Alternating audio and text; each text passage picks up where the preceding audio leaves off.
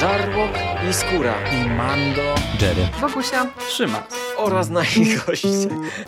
Zapraszamy. Zapraszamy. zapraszamy. zapraszamy. Zapraszamy.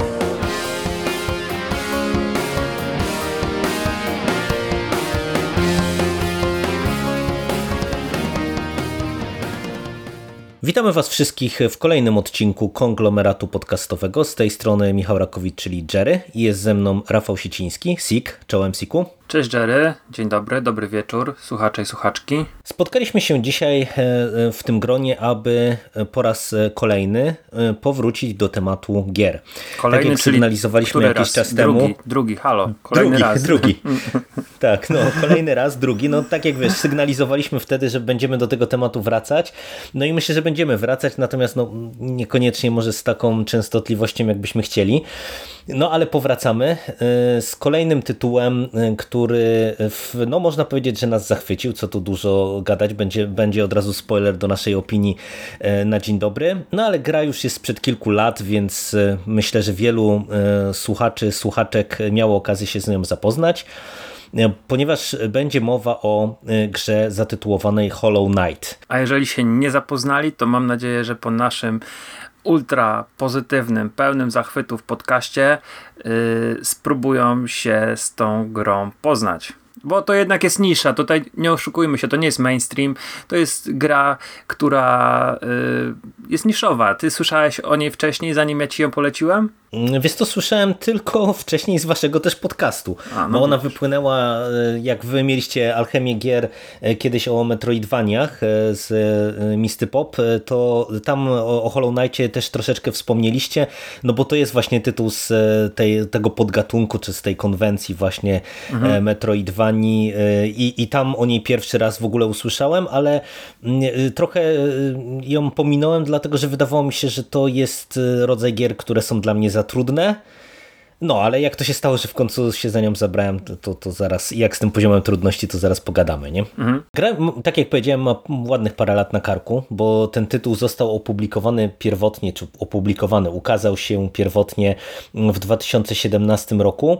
No i tak jak mówisz, no to, jest, to był w sumie tytuł niszowy, y, który gdzieś tam pewnie wielu zaskoczył, bo y, to była gra, która była y, no w zasadzie grą niezależną, robioną przez palu zapaleńców z, ze studia Team Sherry, która powstała jako pokłosie e, jakiejś gry, którą oni napisali na, na, jakimś, na jakiejś takiej imprezie, imprezie gamerskiej, którą zaczęli później rozwijać. E, gra wspierana częściowo przez Kickstartera. Mhm. No i myślę, że kiedy ona wychodziła, to nikt się nie spodziewał, jakim hitem się stanie ten tytuł. E, no i że doczeka się swojej wersji na w zasadzie wszystkie platformy gamingowe, bo, bo wszędzie jest dostępna i na Switchu, i na oczywiście konsolach PlayStation i Xboxie, i oczywiście na PC-tach. Doczekała się gra y, kilku dodatków, y, no i w sumie y, spotykamy się o tym, żeby porozmawiać, tak jak mówimy, jesteśmy nią zachwyceni. No, cóż spowodowało, że ta wydawałoby się dosyć niszowa, niezależna gra tak skradła serca graczy. Masz na to jakiś pomysł? Z czym ci się kojarzy właśnie Hollow Knight? Tak, dlaczego tak pozytywnie? Co, co ciebie skłoniło do tej gry i, i jak, co tak powoduje te właśnie pozytywne emocje z nią związane? Ja grę kupiłem na premierę PlayStation. To był pierwszy raz, kiedy ja zapłaciłem nawet wcześniej, przed, przed sprzedaży ją kupiłem. To, to naprawdę się u mnie e, dwukrotnie zdarzyło. Jednym był e, tytułem był właśnie Hollow Knight, drugim był Cyberpunk. E, ja tego zazwyczaj nie robię. Czekam na jakieś recenzje. Czekam na czyjąś opinię. Natomiast tutaj e, po pierwsze, może to dziwnie zabrzmi, ale zachwyciła mnie w, już na, na pierwszym etapie, gdzieś tam w 2017 roku, bo premierę na PlayStation miała w, we wrześniu chyba, bo w październiku 2018 roku. Więc gdzieś tam e, migały mi mm, filmiki, artworki z tej gry przez po, półtora roku i stylistyka. Nie wiem dlaczego, bo nie jestem jakimś wielkim fanem e, takiej grafiki, która mocno jest, e, mocno stoi w animacji, ale tutaj i design przeciwników, i design lokacji mnie zachwycił i, i stwierdziłem, że to jest coś, czym się muszę zainteresować. I już na etapie tego, e, kiedy ta gra dostawała dodatki, bo dostała cztery duże dodatki i one były chyba bezpłatne i za każdym razem, kiedy wychodził dodatek, to ludzie mówili, że ta gra jest coraz lepsza, że to jest po prostu niesamowite, ile oni w tą grę wrzucają. Więc kiedy wyszła wersja ostateczna, Void Heart Edition, e, na PlayStation 4, to ja wiedziałem, że chcę w to zagrać. Mm, poza tym ja bardzo lubię Metroidvanie. Bardzo lubię Metroidvanie. To jest to prawdopodobnie jeden z moich ulubionych e, gatunków. No i okazało się, że z czym się, znaczy z czym się kojarzy, bo to odpowiesz na to pytanie. I ono jest powiązane z czym się okazał yy, Hollow Knight. Kojarzy mi się z najbardziej dopracowanym produktem, jakim może zrobić studio deweloperskie, jakiekolwiek. I gra okazała się dopracowana pod każdym jednym względem, na który ja zwracam uwagę. Jest to arcydzieło dla mnie małe. Mhm. No w sumie to są mocne słowa. Czy może się to wydawać, że to są mocne słowa, jak, e, no, tak jak cały czas podkreślamy, w sumie e, małego tytułu, e, no ale ja się muszę pod tym podpisać, bo wiesz, ja trafiłem na, tę, na ten tytuł w sumie z twojego polecenia.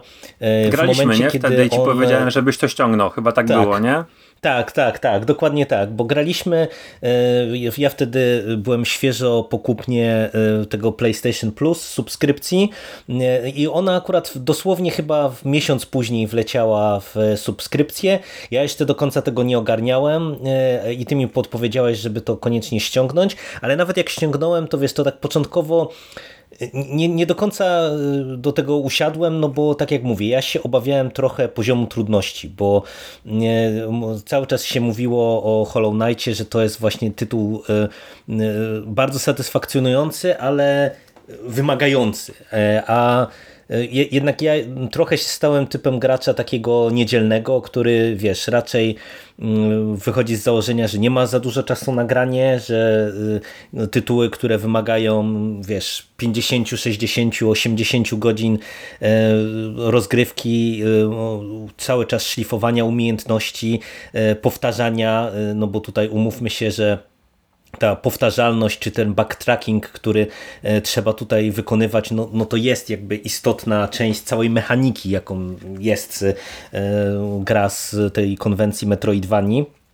No i to wszystko spowodowało, że ja na początku do niej tak podchodziłem nieufnie, ale kiedy ją odpaliłem, to bardzo szybko wsiąkłem, ale Możecie to zaskoczyć, co powiem, ale y, tak jak te wszystkie elementy, o których ty mówisz, takie, które się rzucają na pierwszy rzut oka, czyli właśnie ta grafika, y, to dopracowanie różnych mechanizmów, szczegółów, to, to, to jest wszystko super.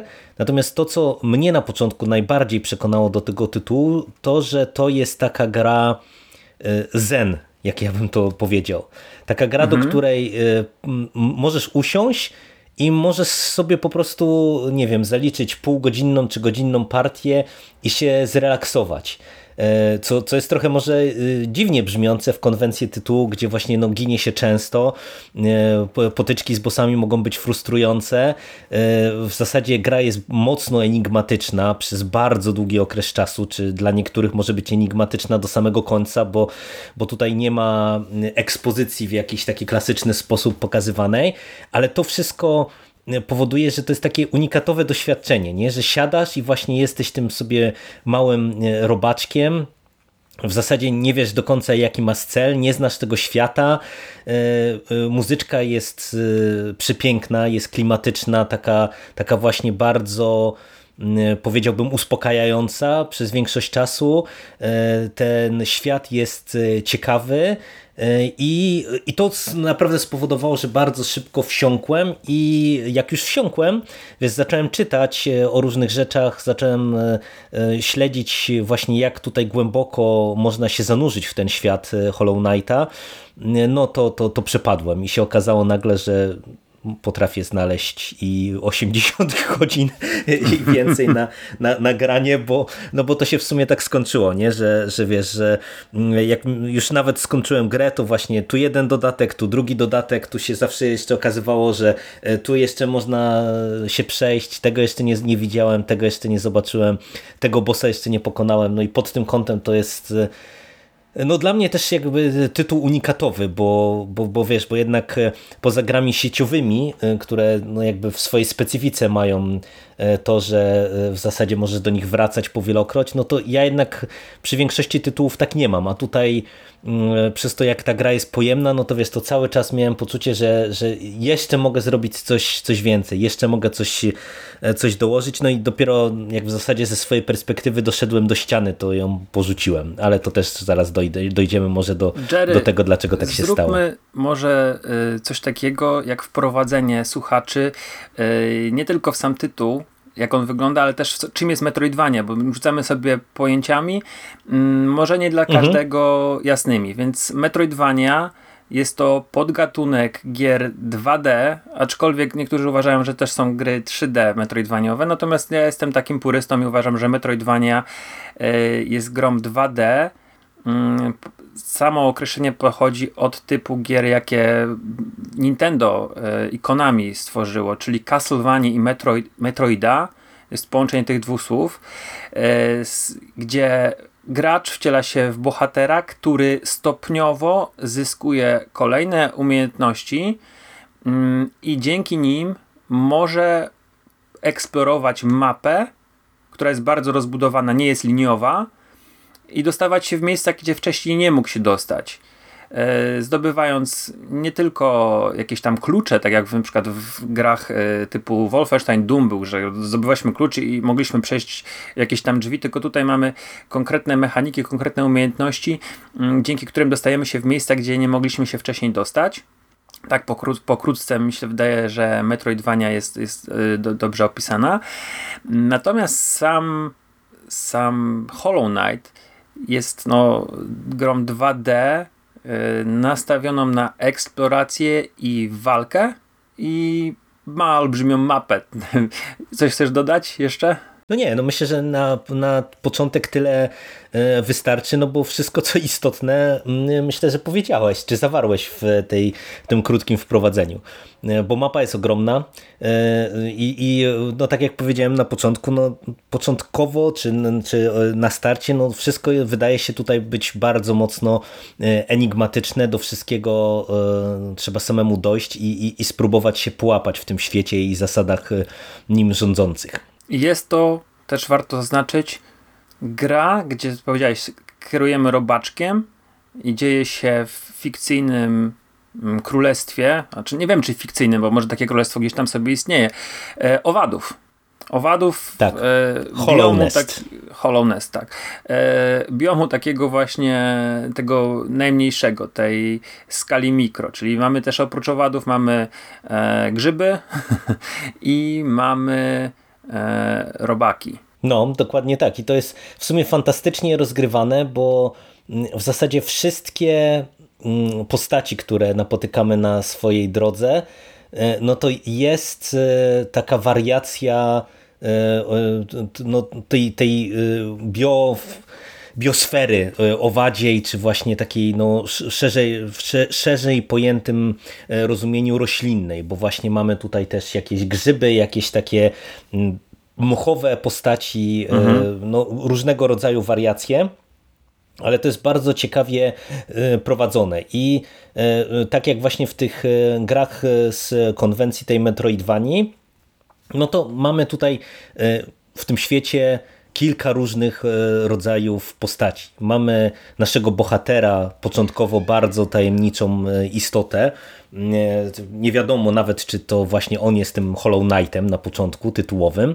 E, I on napotyka na swojej drodze różnego rodzaju NPC postacie, czyli takie, które gdzieś tam pomagają mu w tej jego wędrówce, udzielając mu jakichś informacji, sprzedając mu określone dobra i tak dalej, i tak dalej. Spotyka na swojej drodze bardzo dużo e, różnego rodzaju właśnie dziwnych, mniejszych lub większych przeciwników, takich standardowych, których jest tutaj bardzo dużo i co e, w sumie nie wiem na ile charakterystyczne, ale tutaj e, to jest ważna cecha tej gry, że to są przeciwnicy, którzy się odnawiają. Jeżeli z danego fragmentu mapy pójdziemy dalej, to jeżeli się wrócimy, no to te ci przeciwnicy znowu nam się zrespawnują e, i mamy na swojej drodze właśnie różnego rodzaju e, bossów, z którymi przyjdzie nam walczyć e, aż do, do wielkiego finału, kiedy no, poznajemy historię, która się z, w tym królestwie zadziała i jaka jest nasza rola w tym królestwie i co tutaj się tak naprawdę stało. No bo my na początku nie wiemy prawie nic. Dostajemy tylko informację, że skądś tutaj wróciliśmy do tego królestwa.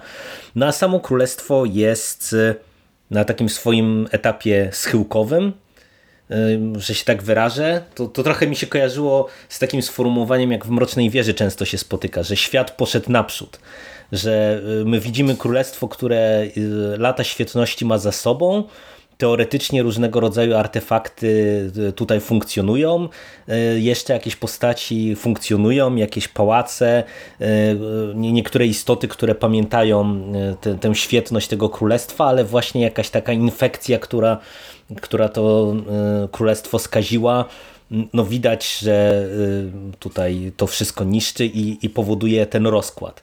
No i teraz, żebyśmy nad, nad naszym podcastem zapanowali, to y, ja bym proponował, może zacznijmy od y, tej warstwy mechanicznej. Z czym mamy tutaj do czynienia? No bo powiedzieliśmy, że to jest gra z gatunku Metroidvanii, no ale jak to tutaj zostało zaimplementowane w Hollow Knightie?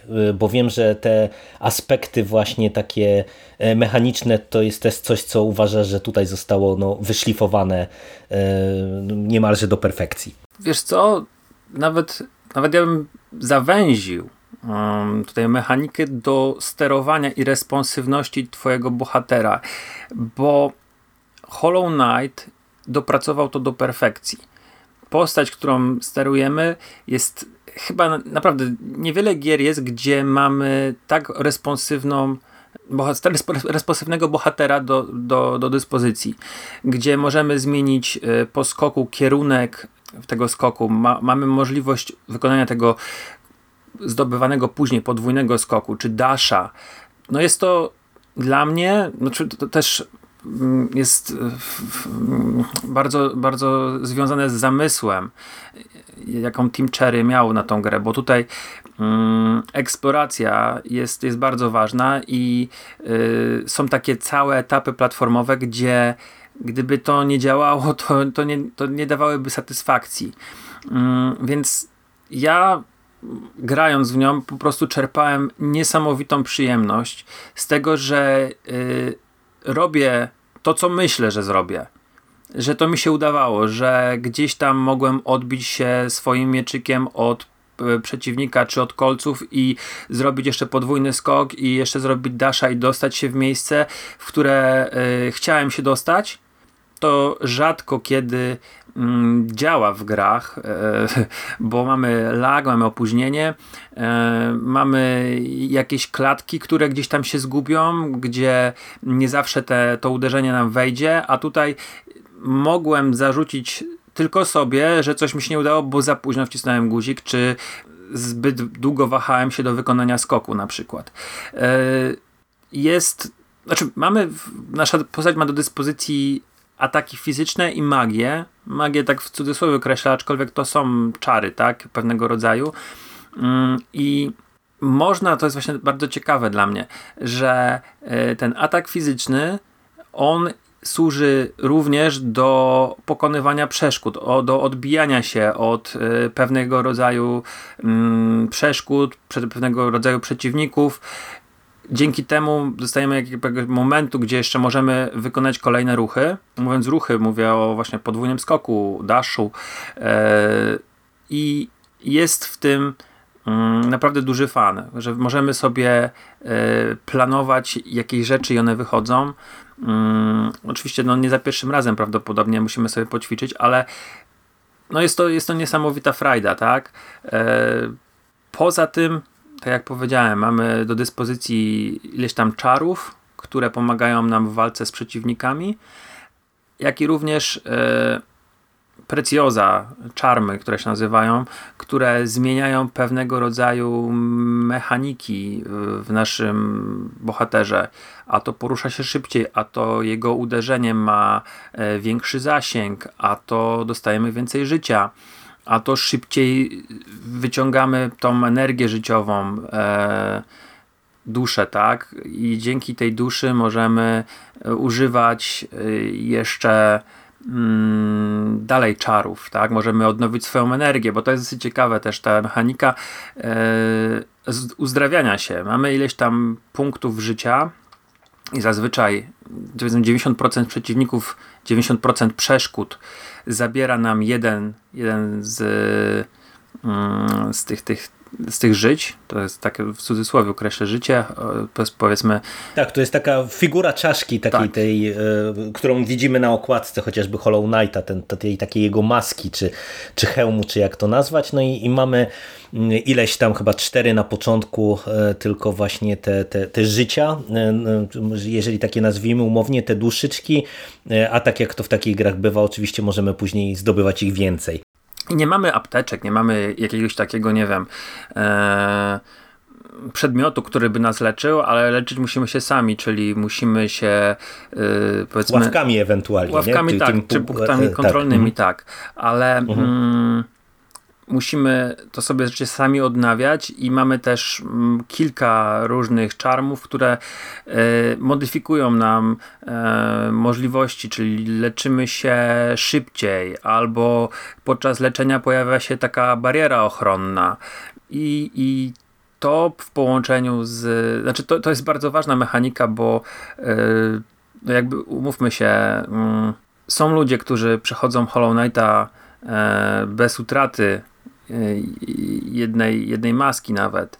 Natomiast y, przy pierwszym podejściu, czy nawet przy drugim, y, to będziemy tego leczenia używali cały czas. Chociażby w walce z bossem, kiedy poznajemy jego moveset, tak? jego, jego ruchy, czy nawet dziesiątki, dziesiątki przeciwników, którzy, mm, których trzeba podczas eksploracji kontrolować, y, bo każdy ma inne zachowania e, i naprawdę napsują nam bardzo dużo krwi i, i to leczenie musimy wkomponować w całą ten, ten taki flow gry. Czyli musimy gdzieś znaleźć miejsce, gdzie akurat nie dosięgnie nas, nie wiem, pocisk, nie dosięgnie nas przeciwnik i musimy odnowić swoje, swoje życia. No to, co mówisz, e, to jest e, bardzo ciekawa rzecz, o tyle też, że według mnie to, co Hollow Knight też e, właśnie jakby wychodząc dalej z tym, co, co powiedziałeś, robi fantastycznie, to jest kwestia krzywej uczenia się. Bo ja, tak jak powiedziałem, obawiałem się poziomu trudności, bo ja nie jestem specjalnie dobry w tego rodzaju gry. No przeważnie jeżeli chodzi o zręcznościówki, to wiesz, w którymś momencie ja się, nie wiem, zacinam, nie? że nie jestem w stanie zrobić właśnie odpowiednio dużej sekwencji skoków, albo nie umiem e, korzystać właśnie z tych bardziej zaawansowanych funkcji e, i to rodzi frustrację i w którymś momencie, wiesz, ja po prostu odbijam się od ściany. A wydaje mi się, że Hollow Knight e, jest tak fantastycznym tytułem i spotkał się też z tak fantastycznym właśnie odzewem ze strony graczy, że on fak faktycznie może być trudny, ale ta krzywa uczenia, która jest bardzo fajnie poprowadzona e, i dowolność w eksploracji świata powoduje, że tutaj w zasadzie nie ma ryzyka takiej stałej frustracji. Oczywiście, jeżeli ktoś, e, nie wiem, za szybko, że tak powiem, w grze dojdzie do jakiegoś poziomu i do jakiegoś bossa e, i porwie się trochę z motyką na słońce, no to, to, to taki boss może mu napsuć krwi.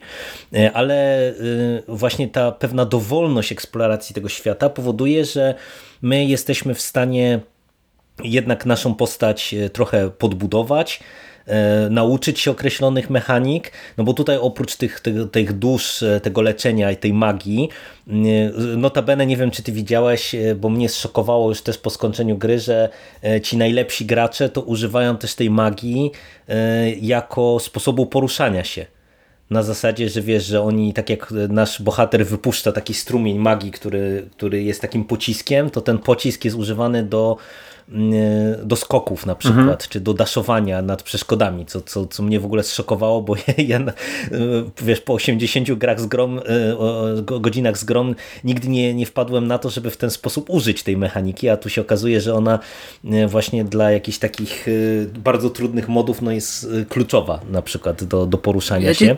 Przerwę na chwilę i ci powiem jedną rzecz. Jeden mhm. z pierwszych czarmów, który się zdobywa jest czarm gdzie możemy, mm, po, znaczy to jest tak, początkowo y, nasz bohater, kiedy uderza przeciwnika, jest odsuwany na jakąś tam minimalną odległość.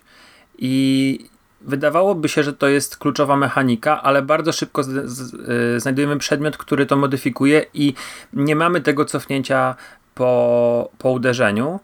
I ja grałem w tę grę dwa razy. Pierwszy raz nie używałem tego przedmiotu, teraz sobie go użyłem i to diametralnie zmienia sposób, w sposób jaki, grania. Tak, mhm. sposób w jaki grasz, w sposób w jaki musisz podchodzić do, e, do przeszkód, do przeciwników.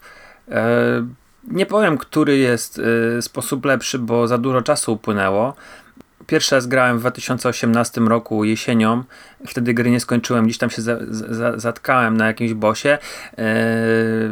Drugi raz grałem kilka dni temu jeszcze i, i tą grę kończyłem, przynajmniej w pierwszym zakończeniu. W związku z czym nie, nie, jestem w stanie aż tak dokładnie powiedzieć, natomiast y, jeden i drugi sposób y, gry jest, jest zupełnie inny. Zupełnie inaczej podchodzi się do, do y, patrzenia na, na planszę, na, na przeszkody, na przeciwników i planowania ewentualnych swoich ruchów. Także yy, tutaj chociażby ten, ten, ten, ta taka, taka delikatna zmiana. Jestem w stanie uwierzyć, że ludzie robią, używają czarów, używają wszystkich rzeczy, yy, bo, bo każda ma znaczenie, każda ma swoje jakieś modyfikacje do rozgrywki. Przepraszam, że ci przerwałem. Nie, nie, nie, oczywiście, to, to jest właśnie bardzo ciekawe to, co mówisz też, bo ta elastyczność to jest też kolejna, moim zdaniem, z bardzo dużych zalet, że tutaj nie ma y, jednego podejścia y, do danej planszy, do danego fragmentu mapy, do danego bossa. Jak sobie wpiszecie y, y, na przykład, nie wiem, jakiegoś bossa konkretnego i sposób na jego pokonanie, to bardzo szybko się okaże, że gracze mają bardzo różne podejście, y, różne zestawy tych czarów, bo to też jest tak, że my na początku możemy mieć tam chyba cztery, w maksymalnym stopniu chyba możemy mieć osiem czy dziewięć tych ikonek. Każdy z tych czarów tam zabiera od dwóch do, do pięciu chyba maksymalnie właśnie tych, e, tych miejsc e, do, do czarów i na przykład e, takie poważniejsze batalie, starcia z bossami czy jakieś trudniejsze fragmenty zręcznościowe, no to one wymagają żonglerki tymi, tymi czarami. I to jest dla mnie też fantastyczny zabieg, bo ja ci powiem, że na początku tak może tego nie widziałem, nie? Tej, tej różnicy, nie? że miałem tam kilka tych czarmów, które używałem na stałe mhm. i wydawało mi się, że jak tak sobie gram, no to, to, to nie ma to tak wielkiego znaczenia, ale później w dalszych etapach rozgrywki e, to właśnie te, to jak tutaj e, jakby Team Cherry spowodował, że jakby w taki trochę milczący sposób zachęca, zachęca graczy do eksperymentowania E, że dostajemy, wiesz, więcej tych gadżetów, dostajemy więcej umiejętności naszego bohatera, właśnie te podwójne skoki, czy jakieś nowe ataki, e, e, czy, czy ten taki dash sharp, sharp move, jak to tutaj jest chyba nazwane, jeżeli dobrze pamiętam, czyli ten taki dash, gdzie możesz się przebić przez przeciwnika w takiej cienistej swojej postaci, mhm. który też powoduje, że zadajesz obrażenia.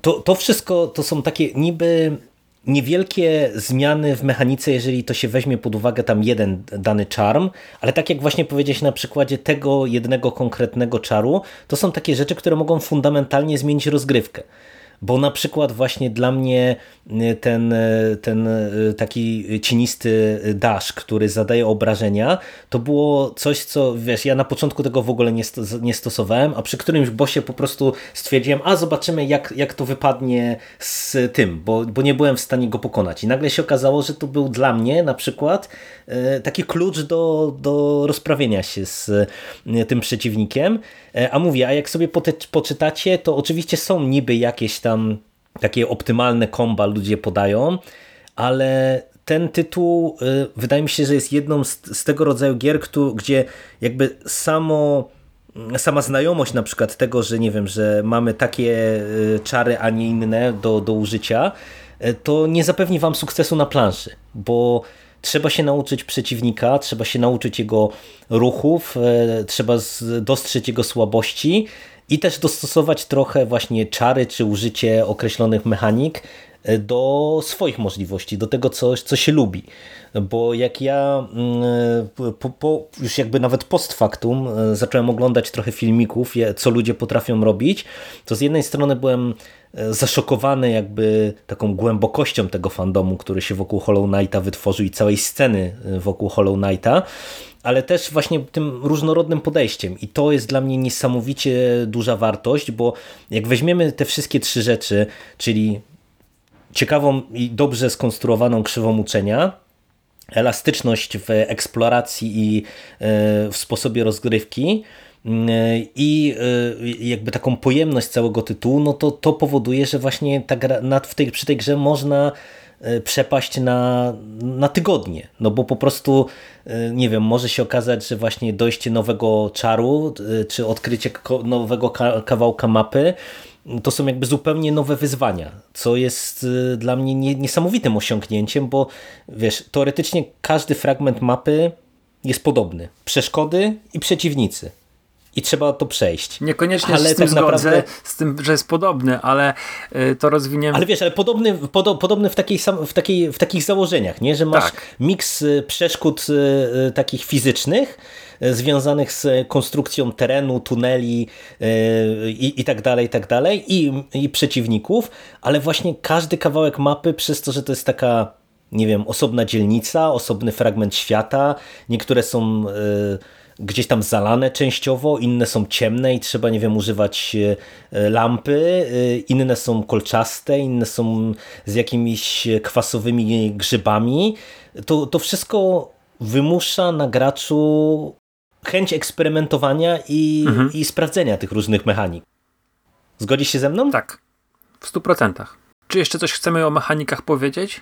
Nie, myślę, że tutaj możemy, możemy na razie to zostawić. Jak nam się jeszcze coś urodzi przy konkretnych tematach, nie wiem, stacjach z bossami czy coś, to najwyżej jeszcze sobie do tego byśmy wrócili, myślę. To teraz mówiłeś o mapie, ja bym chciał teraz porozmawiać o eksploracji. Mhm. Bo tak jak wspomniał tutaj Jerry, i z takim wytłumaczeniem się jestem w stanie zgodzić, że wszystkie e, takie nie wiem, bajomy, może to tak ładnie nazwać, te, te, takie poziomy, one są podobne do siebie właśnie w ten sposób, że e, mamy sekcje platformowe, gdzie musimy omijać przeszkody i mamy przeciwników, z którymi musimy walczyć. Mm, nie ma czegoś takiego, że nagle nasz bohater wsiada na, nie wiem, konia i mamy prosty, se, prostą sekwencję jazdy na koniu i strzelania z mieczem do pojawiających się przeszkód. Czegoś takiego nie ma. Wszystko jest y, jednolite. Znaczy, no, to może brzmi y, z, jakoś tak, no niefajnie, bo, bo no, nie ma może różnorodności ktoś pomyśleć. Natomiast y, jednolite w sensie spójne, y, w sensie y, że nie zaskoczy nas nagle, że zmienia nam się mechanika 180 stopni i, i, i mamy e, shoot'em up i latamy na przykład. Tutaj wszystkie, mhm. e, wszystkie bajomy, wszystkie miejsca, które odwiedzimy, e, opierają się właśnie na tym, co Michał powiedział, czyli e, sekcje zręcznościowej walki. Natomiast sama eksploracja dla mnie była tym takim też e, elementem, który bardzo mnie przyciągnął do, mm, do Hollow Knighta. Ta wspomniana przez ciebie enigmatyczność miejsc, które odwiedzamy, mm, bo w Hollow Knightie mamy mapę. Jak w każdej Metroidvanii mapa jest y, bardzo rozbudowana. W każdej dobrej Metroidvanii mapa jest rozbudowana. Natomiast my tej mapy początkowo nie dostajemy. Trafiamy w nowy obszar, który nie jest narysowany na mapie i no właśnie, y, musimy znaleźć owada, kartografa, który tak y, występuje pod takim imieniem, powiedzmy, w grze, który tę mapę początkowo właśnie jakąś tam szkic tej mapy zrobił. Musimy go odnaleźć w tym, w tym biomie, kupić od niego mapę. Później y, musimy mieć taką umiejętność, która pozwala nam też tę mapę rysować, o ile dobrze kojarzę, jest chyba coś takiego i i ewentualnie charm, który pozwala na oznaczenie nas na tej mapie, w którym miejscu jesteśmy. I to są, wydaje mi się, rzeczy niezbędne do, do tego, żeby poznawać świat, który jest y, tak rozległy, tak rozbudowany, pełen tylu różnych przejść, y, rozgałęzień, ukrytych ścian, które można rozbić, y, zaułków, zakamarków, że zachwyca. Zachwyca to, że też każdy biom jest inny. Początkowo mamy jakieś, no, nie wiem, e, peryferia królestwa i e, dostając się gdzieś dalej trafiamy do miasta, gdzie pada deszcz, e, tak jak wspomniałeś, cały biom, gdzie królestwo jest grzybów, trafiamy do wioski modliszek i do jakichś pięknych ogrodów, które znaczy kiedyś były piękne.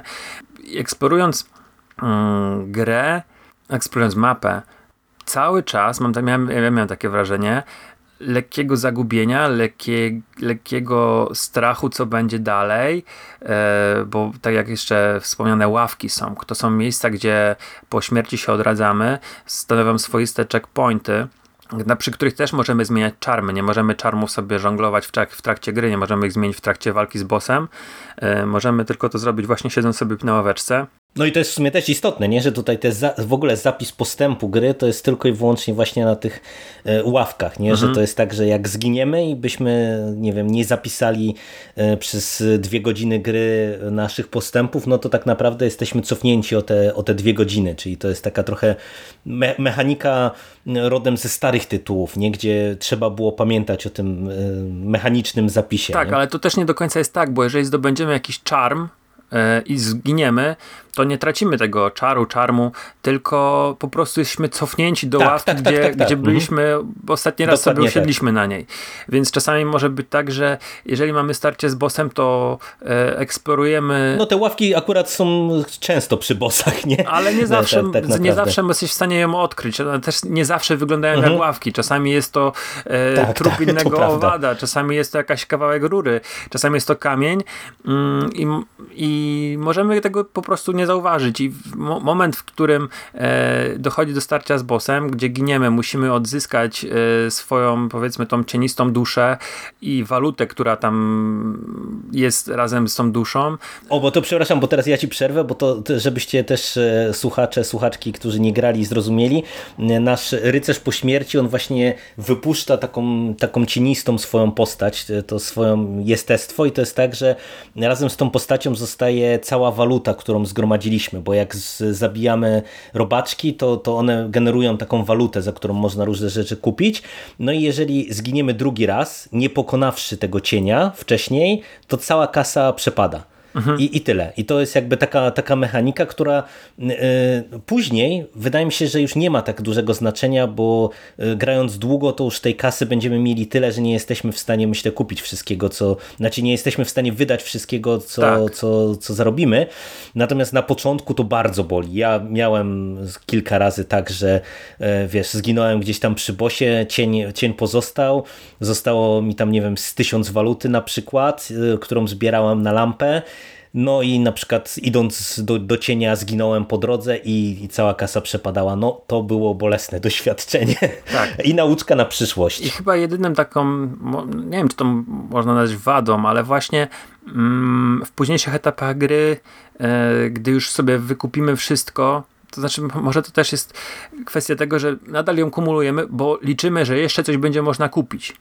Bo rzeczy w sklepach u sklepikarzy pojawiają się stopniowo i cały czas w pewnym momencie towarzyszy graczowi taka myśl, że trzeba to kumulować, bo może coś jeszcze się pojawi, ale no nie pojawia się. Jest ten moment takiego, e, tej takiej ostrej granicy, gdzie kupujemy wszystko już więcej nam się nic do samego końca nie pojawi, a on nie jest e, relatywnie późno, tylko tak gdzieś mniej więcej e, w połowie. Tak myślę, że od połowy będziemy po prostu to GIO, tą walutę zbierali i nie będziemy mogli jej w żaden sposób wydać. Ma, mhm. Miałeś tak też? Dokładnie tak, dokładnie tak.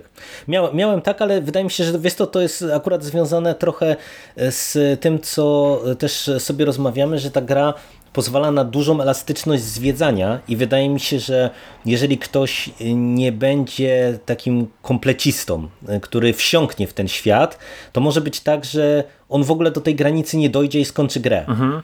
Bo, bo to jest specyficzny tak tytuł pod tym kątem, że wydaje mi się, że jeżeli ktoś będzie chciał po prostu skończyć ten tytuł, to wydaje mi się, że może zrobić to relatywnie łatwo dosyć szybko. I nie mam na myśli przejścia w 30 minut, tak jak e, speedrunnerzy to robią, e, że, że mniej więcej taki jest chyba rekord w tej chwili, około 30 minut na skończenie całej gry.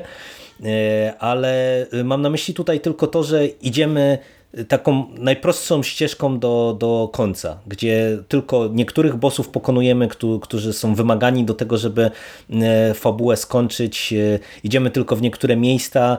E, w ten sposób niektóre te biomy, o których ty wspominasz, pomijamy zupełnie. Możemy sobie pominąć dodatki na przykład, które też jakby dostarczają nam nowe mechaniki rozgrywkowe, jakby zupełnie nowe lokacje.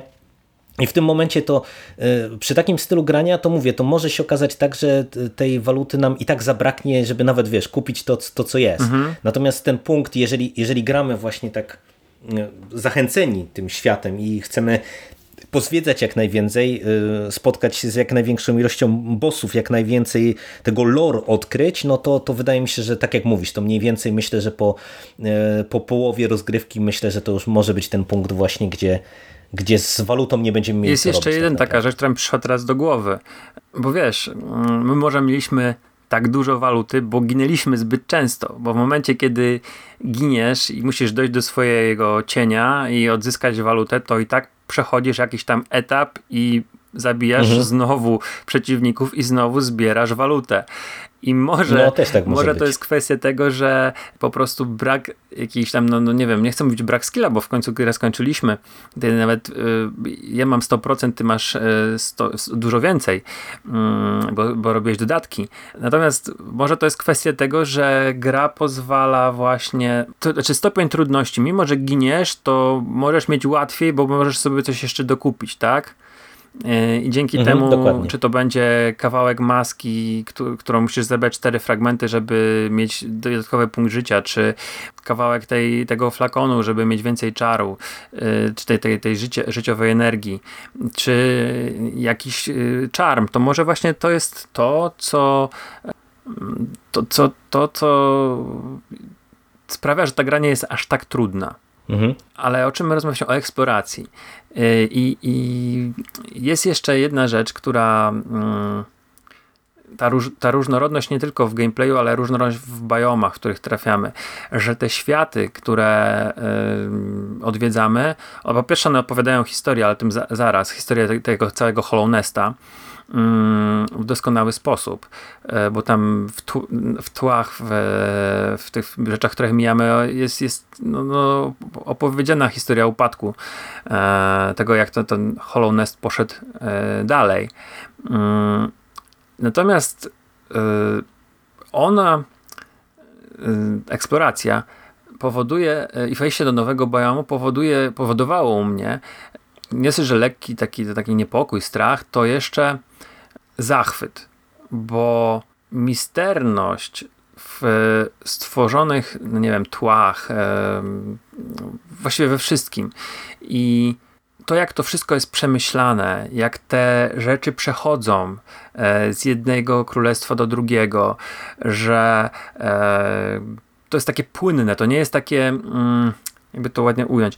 To nie jest takie ciochane, e, że przechodzimy z jednej planszy do drugiej i już mamy zupełnie inny biom. Tutaj mamy, eksplorujemy i trafiamy powolutku na mm, na kopalnię, tak? Gdzieś tam mamy NPC, który sobie macha kilofem, gdzieś tam widzimy jakiś wózek i powolutku nagle trafiamy w miejsce, gdzie no w królestwie wydobywa się jakiegoś rodzaju kryształ i ten kryształ początkowo jest w jakichś takich małych ilościach, ale im dalej przechodzimy w głąb, to nagle się okazuje, że cała plansza jest tym fioletowym, różowym, amarantowym kryształem obsadzona.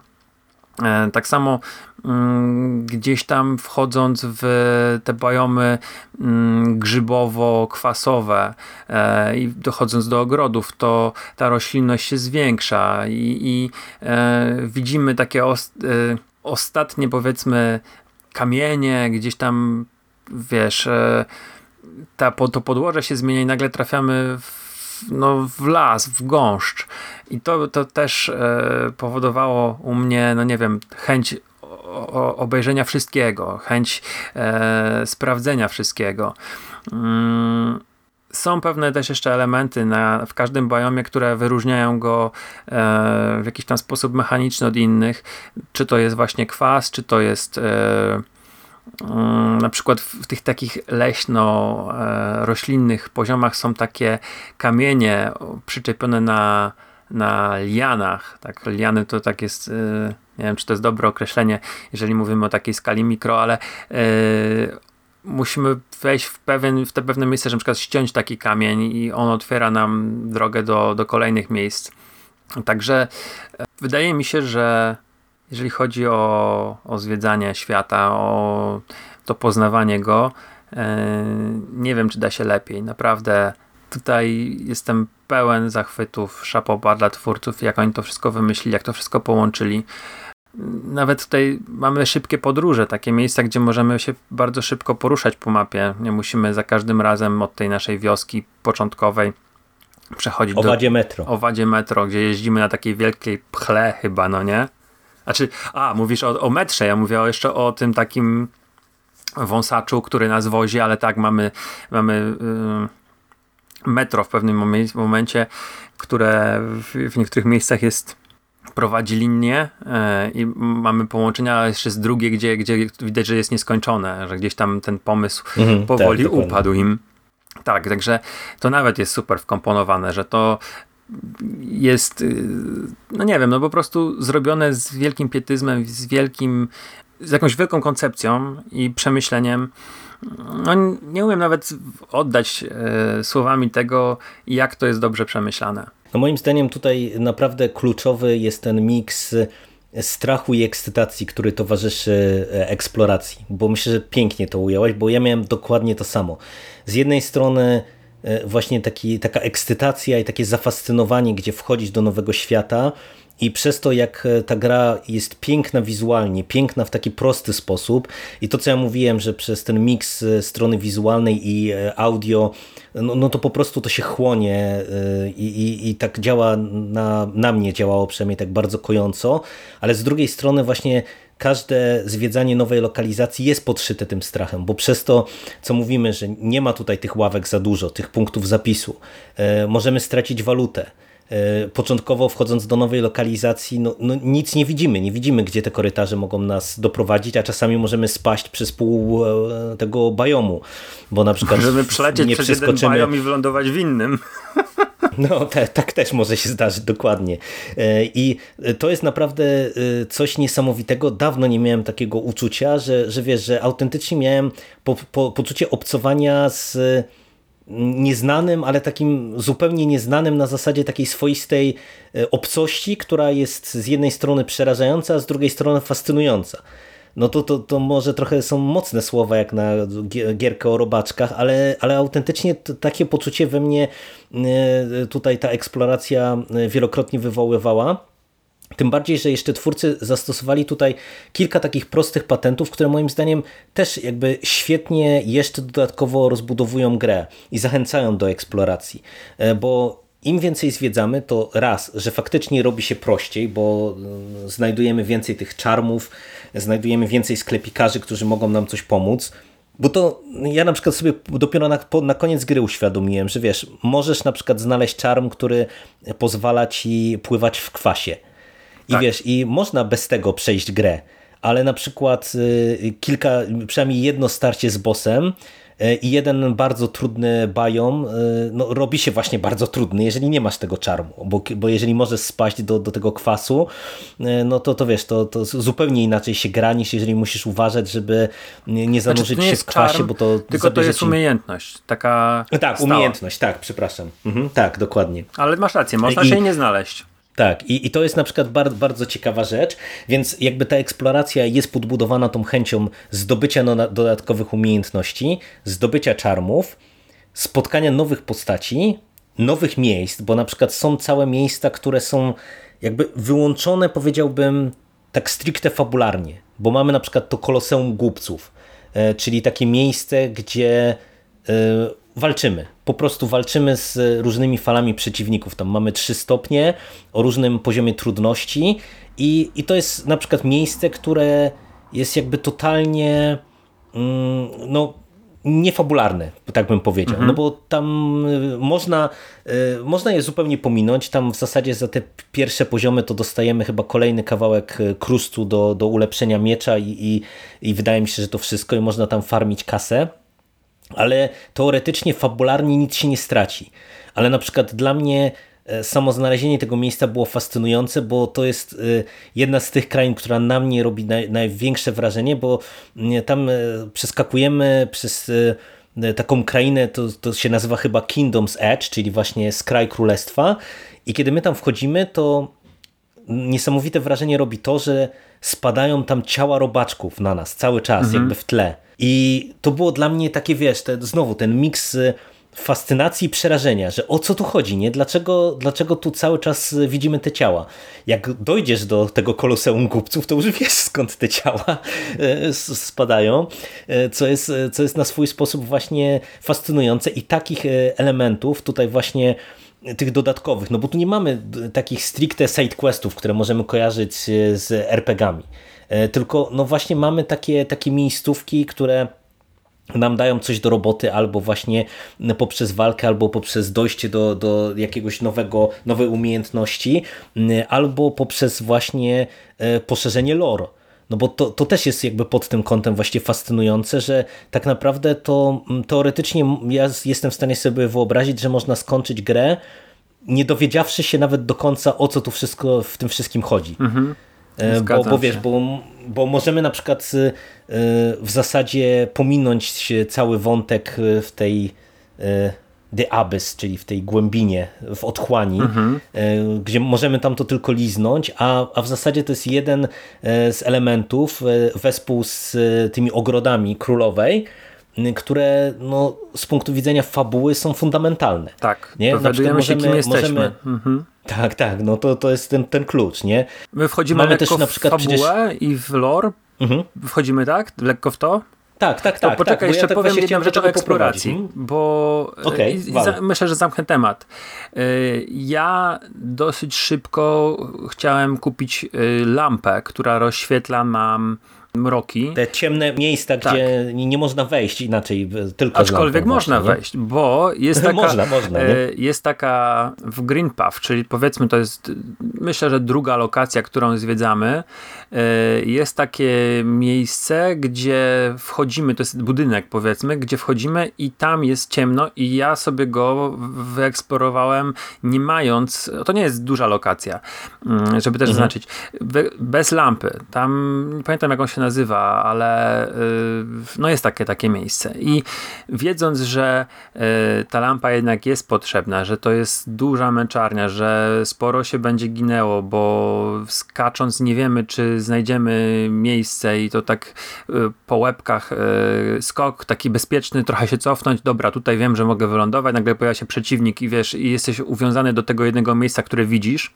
Wiedziałem, że lampa jest potrzebna. Natomiast o ile dobrze kojarzę, to yy, możesz wpaść do Deep Nestu, czyli do tego miejsca, gdzie mamy pajęczaki, powiedzmy. Tak, i tam lampa jest kluczowa, nie? Ale tak możesz tam wpaść poprzez eksplorację chyba Queen's Garden albo yy, i nie mieć tej lampy. A żeby mhm. stamtąd się wydostać, to i bez lampy będąc, no to jest. Yy, rany. To jest hardcore, bo później chyba przechodzisz przed, przez e, Ancient Basin chyba, żeby wyjść. Tak, tak, tak. Więc mhm. e, wierzę, że są ludzie, którzy, ja tak mówię tutaj słuchaczom e, nazwy lokacji, to one mało mówią pewnie, ale no tak e, na potrzeby tej rozmowy używam takich skrótów, więc wierzę, że są gracze, którzy e, mogli gdzieś trafić bez lampy, bo, bo, bo Crystal Peak, te kopalnie bez lampy raczej się nie, nie zwiedzi, tak? Bo tam jest jeszcze ograniczenie pewnej umiejętności, której jeżeli nie masz, to to będzie ciężko. Ale rany, no przejść deepness bez lampy to jest yy, wyzwanie i no, tam jest bardzo ważny też dźwięk, bo są tam pewnego rodzaju przeszkody, które dają konkretne wskazówki dźwiękowe, ale e, one też dobrze je widzieć, nie tylko słyszeć. E, tak, tak, tak. Natomiast e, wróćmy do tego, co już zacząłeś, czyli do lore i do fabuły. No, bo to jest, to jest rzecz dla mnie nierozerwalnie związana z eksploracją, bo mm, przy tak enigmatycznym tytule i przy tytule, który no w zasadzie jest pozbawiony takiej e, fabuły w tym klasycznym rozumieniu, gdzie idziemy od postaci do postaci, która nam wali jakąś ekspozycją, gdzie odkrywamy kolejne tajemnice, no to w zasadzie ile z tego tytułu wyciągniemy fabularnie, e, według mnie zależy właśnie od eksploracji. E, bo to jest tak, że właśnie jeżeli pominiemy niektóre lokacje, to się nie dowiemy, kim my jesteśmy, co robimy, co zaszło w tym e, królestwie, bo, bo te postacie NPC, które e, z nami rozmawiają, no one rzucają jakieś tam często enigmatyczne mm, rzeczy, ale na przykład to dopiero starcia z niektórymi bossami albo dojście do niektórych lokacji podsuwa nam kluczowe informacje jakby do zrozumienia tego wszystkiego, i to, to, co dla mnie jest jakby bardzo interesujące w kontekście podawania tego e, lore, no to jest to, że to też e, jest właśnie związane z tym, z tym takim zachęceniem do eksploracji, zachęceniem do eksperymentowania. Bo dla mnie na przykład jednym z takich fundamentów odnośnie tego, tych takich kluczowych rzeczy fabularnie jest to, że w zasadzie trzeba zwiedzić dwie bardzo trudne moim zdaniem lokalizacje, czyli Queen's Garden, mhm. gdzie mamy królową i White Palace, gdzie mamy e, tego Pale Kinga, e, czyli dawnego władcę e, tego, tego, tej całej krainy. Nie? White Palace, o ile dobrze kojarzę, jest lokacją z dodatku. Jej chyba nie było w podstawce. Tak mi się wydaje. Może, może się o, mylę. To widzisz. Może się mylę. A to tego, tego nie pamiętam. A to tego nie pamiętam, szczerze mówiąc. Natomiast ja, ja powiem szczerze, ja, ja go nie zrobiłem. bo, bo, bo masz tutaj no, masz mhm. 100% racji, tak? Masz 100% racji. Queen's Garden, y, Abyss są, są miejscami, gdzie y, nie dowiemy się, bo tak, nie dowiemy się, kim jesteśmy nawet. Y, tak jak powiedziałeś na samym początku, my możemy nawet myśleć, że jesteśmy tym Hollow Knightem, którym, tym tytułowym, no bo jesteśmy rycerzem, mhm. jesteśmy jacyś tam w jakiś sposób puści, no ale kim jesteśmy, to się nie dowiemy bardzo długo. Tak, tak. No to już sprawdziłem, ten Biały Pałac faktycznie to był chyba z dodatku, bo tam był ten pierwszy dodatek, który dodawał nam ten senny wymiar. Mhm. E, I, I właśnie wtedy się też pojawił e, Biały Pałac. E, ty, ty mówisz, że nie skończyłeś, bo to dla kontekstu to jest loka lokacja, która tak jak mamy na przykład Koloseum Głupców, czy jak mamy ten dodatek Godmaster, gdzie mamy panteony, gdzie, gdzie mamy, można powiedzieć, to Koloseum Głupców e, e, podniesione do potęgi entej, bo tak jak w e, Koloseum walczymy po prostu z falami tych zwykłych przeciwników, tak w Panteonach walczymy z bossami, z falami bossów, to Biały Pałac jest lokacją nastawioną stricte na aspekty zręcznościowe. No i, i powiem szczerze, że dla mnie satysfakcja skończenia tego Białego Pałacu to było to jedno z największych moich osiągnięć growych. Ja stwierdziłem, chociaż nie zrobiłem tam wszystkiego, bo tam jest taki fragment, który się nazywa The Path e, of Pain, e, który jest bardzo wymowną nazwą dla, dla tej sekcji i już to, to stwierdziłem, że to jest za dużo, ale, ale to, to, to jest właśnie, mówię, to, to jest dla mnie autentycznie fascynujące, wiesz, tak koncepcyjnie, że, że to lore jest poukrywane właśnie w takich, e, w takich miejscach, e, bo mm, kiedy my się w tym zagłębimy, to tak jak mówisz, my stopniowo odkrywamy tajemnice swojej tożsamości, tajemnice królestwa, e, kto nim rządził, jakby dlaczego tych władców już nie ma, co to jest za zaraza, która toczy całe to królestwo, która też na naszych oczach postępuje, no bo to przecież też mhm. jest ciekawy zabieg, że niektóre te bajomy na skutek naszych też działań, one stają się bardziej zakażone i, i, widzimy na przykład nowe odmiany przeciwników, które, które właśnie są zakażone tą, tą infekcją, która toczy e, królestwo. Mm, I to jest e, no, powiedziałbym unikatowe, bo y, wiesz, ty masz dużo większe doświadczenie w grach niż ja, ale ja się chyba nie spotkałem jakby z e, tego takim sposobem opowiadania fabuły bo jakbym był złośliwy, czy na przykład dla graczy, którzy są skoncentrowani tylko na mechanice, to bym powiedział, że w zasadzie można Hollow Knighta autentycznie skończyć bez jakiejkolwiek wiedzy o tym, co się w zasadzie wydarzyło. Al, albo, no, albo może za dużo powiedziane, może ze szczątkową wiedzą na temat tego, e, co się wydarzyło. W ogóle... Ale właśnie... Mhm. Warto zaznaczyć, że Hollow Knight zaczyna się od wiersza, który jest tak, mega tak. ważny. To jest wiersz, to jest wiersz, który jest mega ważny dla całej fabuły, że on właściwie nam trochę opowiada, ale y, jest jeden NPC w Kingdom's Edge, to jest ten taki robal, taka larwa, mhm. która jest mega gruba, którą gdzieś tam możemy połaskotać po ogonie, a później spotkać się z jego głową. I on, i on opowiada, o ile dobrze kojarzę, nam jak to się stało, że Hollow Nest się tak rozwinęło. I to już nie chcę tutaj zdradzać słuchaczom jakichś tam niuansów tej fabuły, ale było sobie królestwo owadów, one sobie gdzieś tam żyły, ale były też robale, takie wielkie wormy, one są nazywane. E, jeden właśnie gdzieś tam sobie zdechł. Z, z niego się narodził Pale King i dzięki temu Hollow Nest y, jest tak dzięki tej mocy z tego robala, bo to były traktowane Tacy jako wiec, bogowie. Wielcy przedwieczni. No, tak, tak co mówię, wielcy przedwieczni, nie? Tak. Trochę tego świata. Dzięki temu te owady są po pierwsze bardziej inteligentne, bardziej mm, rozwinięte, no, zdecydowanie bardziej w porównaniu z tymi, które gdzieś tam pochodzą z zewnątrz, są, są inteligentniejsze. E, I Pale King trafił do, do królestwa, które już powiedzmy istniało w jakiś tam sobie sposób. Składało się z kilku powiedzmy, mm, nie wiem czy powiedzieć, odmian owadów, bo mamy pszczoły, które się przecież schowały w ulu. Ul jest też lokacją, która jest totalnie nieobowiązkowa. Możemy tam w ogóle na nią nie trafić, bo to jest po prostu... Tak, bo ona też jest akurat z dodatku, nie? To jest tak? właśnie jeden z tych dodatków. A, okay. Live, e, Live Blood e, to był jeden, to był chyba drugi dodatek i, i tak jak ten pierwszy dodawał właśnie to mm, ten e, Dream Realm i wszystko co związane z krainą snów, czyli tych alternatywnych bossów, White Palace i tak dalej, i tak dalej, to Live Blood dodawał ul jako cały właśnie duży segment do, do zwiedzania. No i tam możemy na niego nie trafić, nawet grając to Void Heart Edition trzeba rozbić ścianę.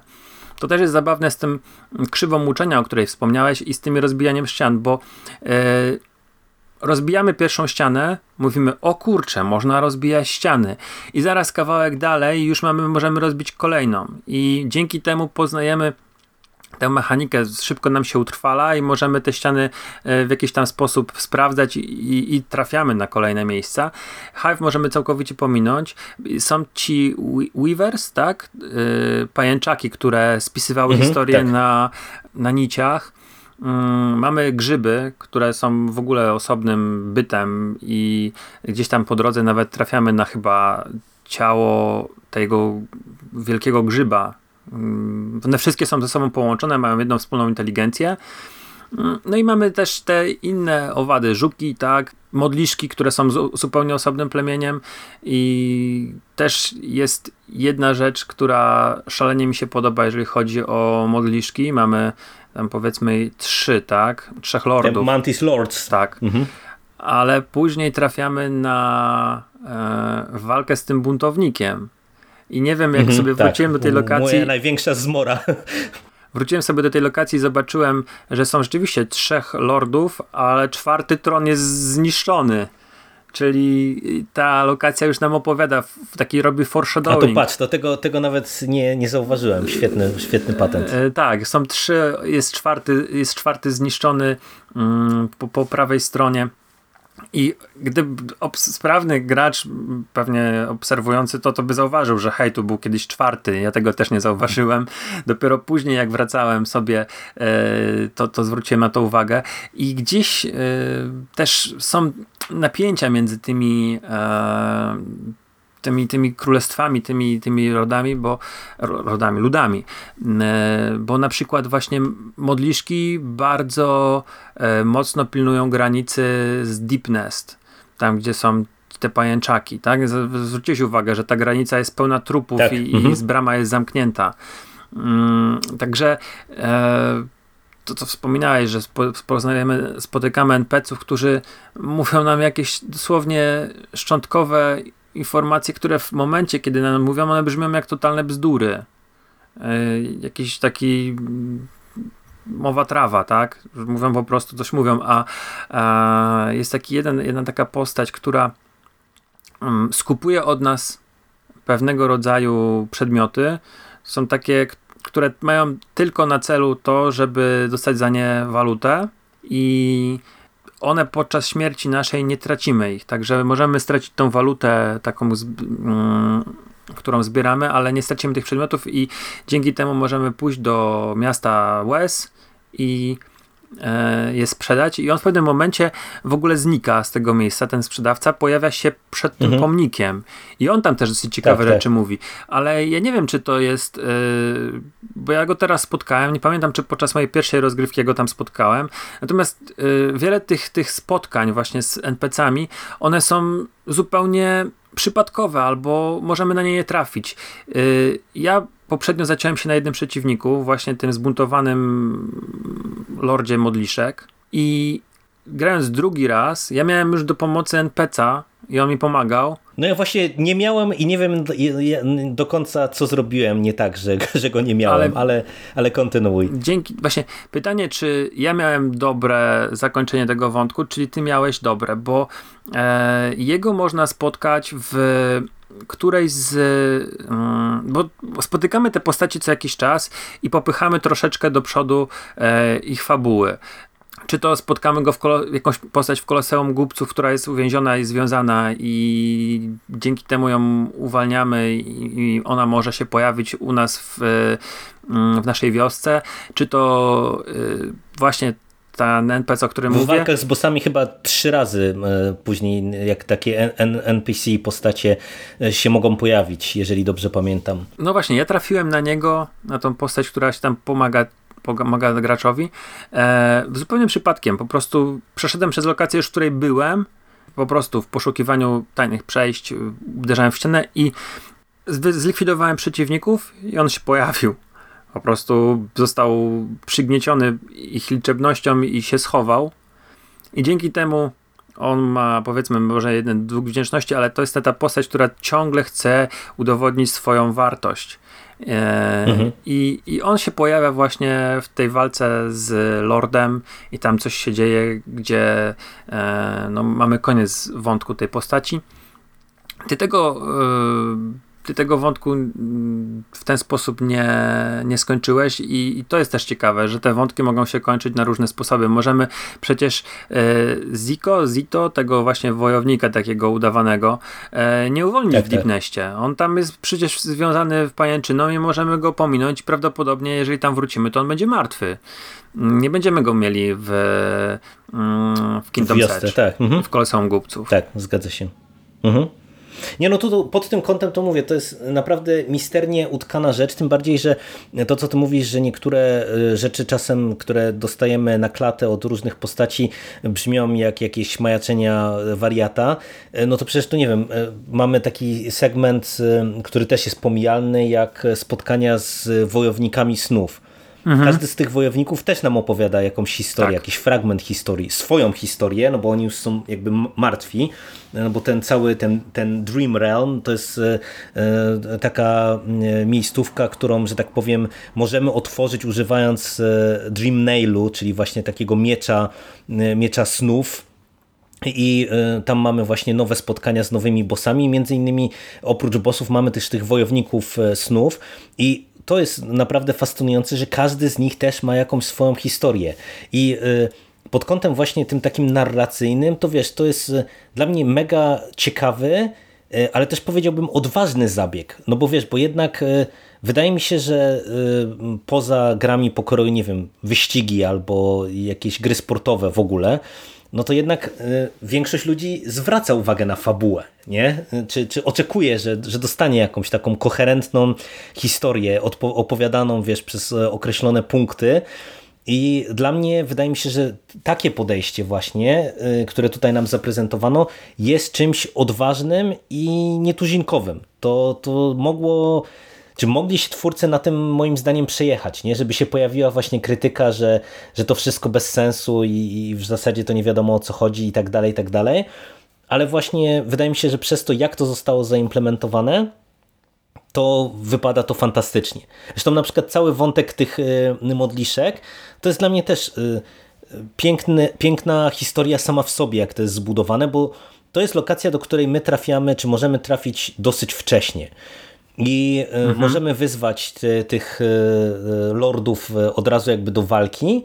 I jakby stawką w tym pojedynku jest to, że mm, te modliszki jakby zawrzą z nami pokój, że się tak wyrażę. W tym sensie, że nie jako, będą nas atakować. Uznają nas jako, jako godnego nie? Przejścia tak, przez tak, swoje no, królestwo. No, takiego swojego. Tam poza tym, że dostajemy jakieś gadżety, tam ze skarbca, ławkę, jakieś tam takie pierdoły, to jakby kluczowe jest to, że przechodząc przez tą lokalizację, jeżeli my ich nie zaatakujemy, to, to one nie będą nas atakować. Właśnie w nawiązaniu do, do, do tego, co ty powiedziałaś, że, że to są tacy wojownicy, którzy bronią granic tego swojego królestwa. I ja początkowo trafiłem na y, te, tę sekcję bardzo szybko, ale mnie po prostu pokonały y, modliszki. Nie byłem w stanie przejść ich y, na, na tym stopniu zaawansowania, na którym byłem. To może być trzecia lokacja, Później... do której trafisz. Jeżeli nie pójdziesz no, no, do Green tak, Path, tak, tak. to schodząc y, z tego, z Forgotten Crossroads, chyba do Fungal Waste, jak zajdziesz, to, to później tam możesz trafić od razu. Tak mi się wydaje. Tak, tak, tak, no dokładnie tak jest. I wiesz, i, y, tak jak mówię, mnie na początku one pokonały, kiedy później, jak już y, do nich zawitałem, y, to, to, okazało się, że one są dosyć proste i w sumie się sam później zdziwiłem, czy to, nie wiem, czy to ja już się, wiesz, tak przyzwyczaiłem do, mm, do mechaniki, czy, czy, czy po prostu, nie, nie wiem, co, jaki efekt tutaj zadziałał, ale poszło mi z nimi gładko, ale wiesz, ale sama właśnie ta historia i tutaj Naprawdę mnie cały czas fascynuje, ile tutaj jest jeszcze rzeczy do odkrycia, bo ja, pomimo tego, że ty tak się śmiałeś, że ty masz 100%, ja mam chyba 112%, to co brzmi kuriozalnie, nie? 112% skończenia gry, to nadal nie mam wszystkiego. Mhm. Tym bardziej, że do, do tego procentowego ukończenia gry yy, nie liczą się niektóre rzeczy, które no, masz do zrobienia, ale, ale są pomijalne, mhm. bo tam do tych procentów na przykład końcowych to się właśnie na przykład liczą e, ukończenie wszystkich panteonów i ukończenie e, trzeciego poziomu w Koloseum Głupców i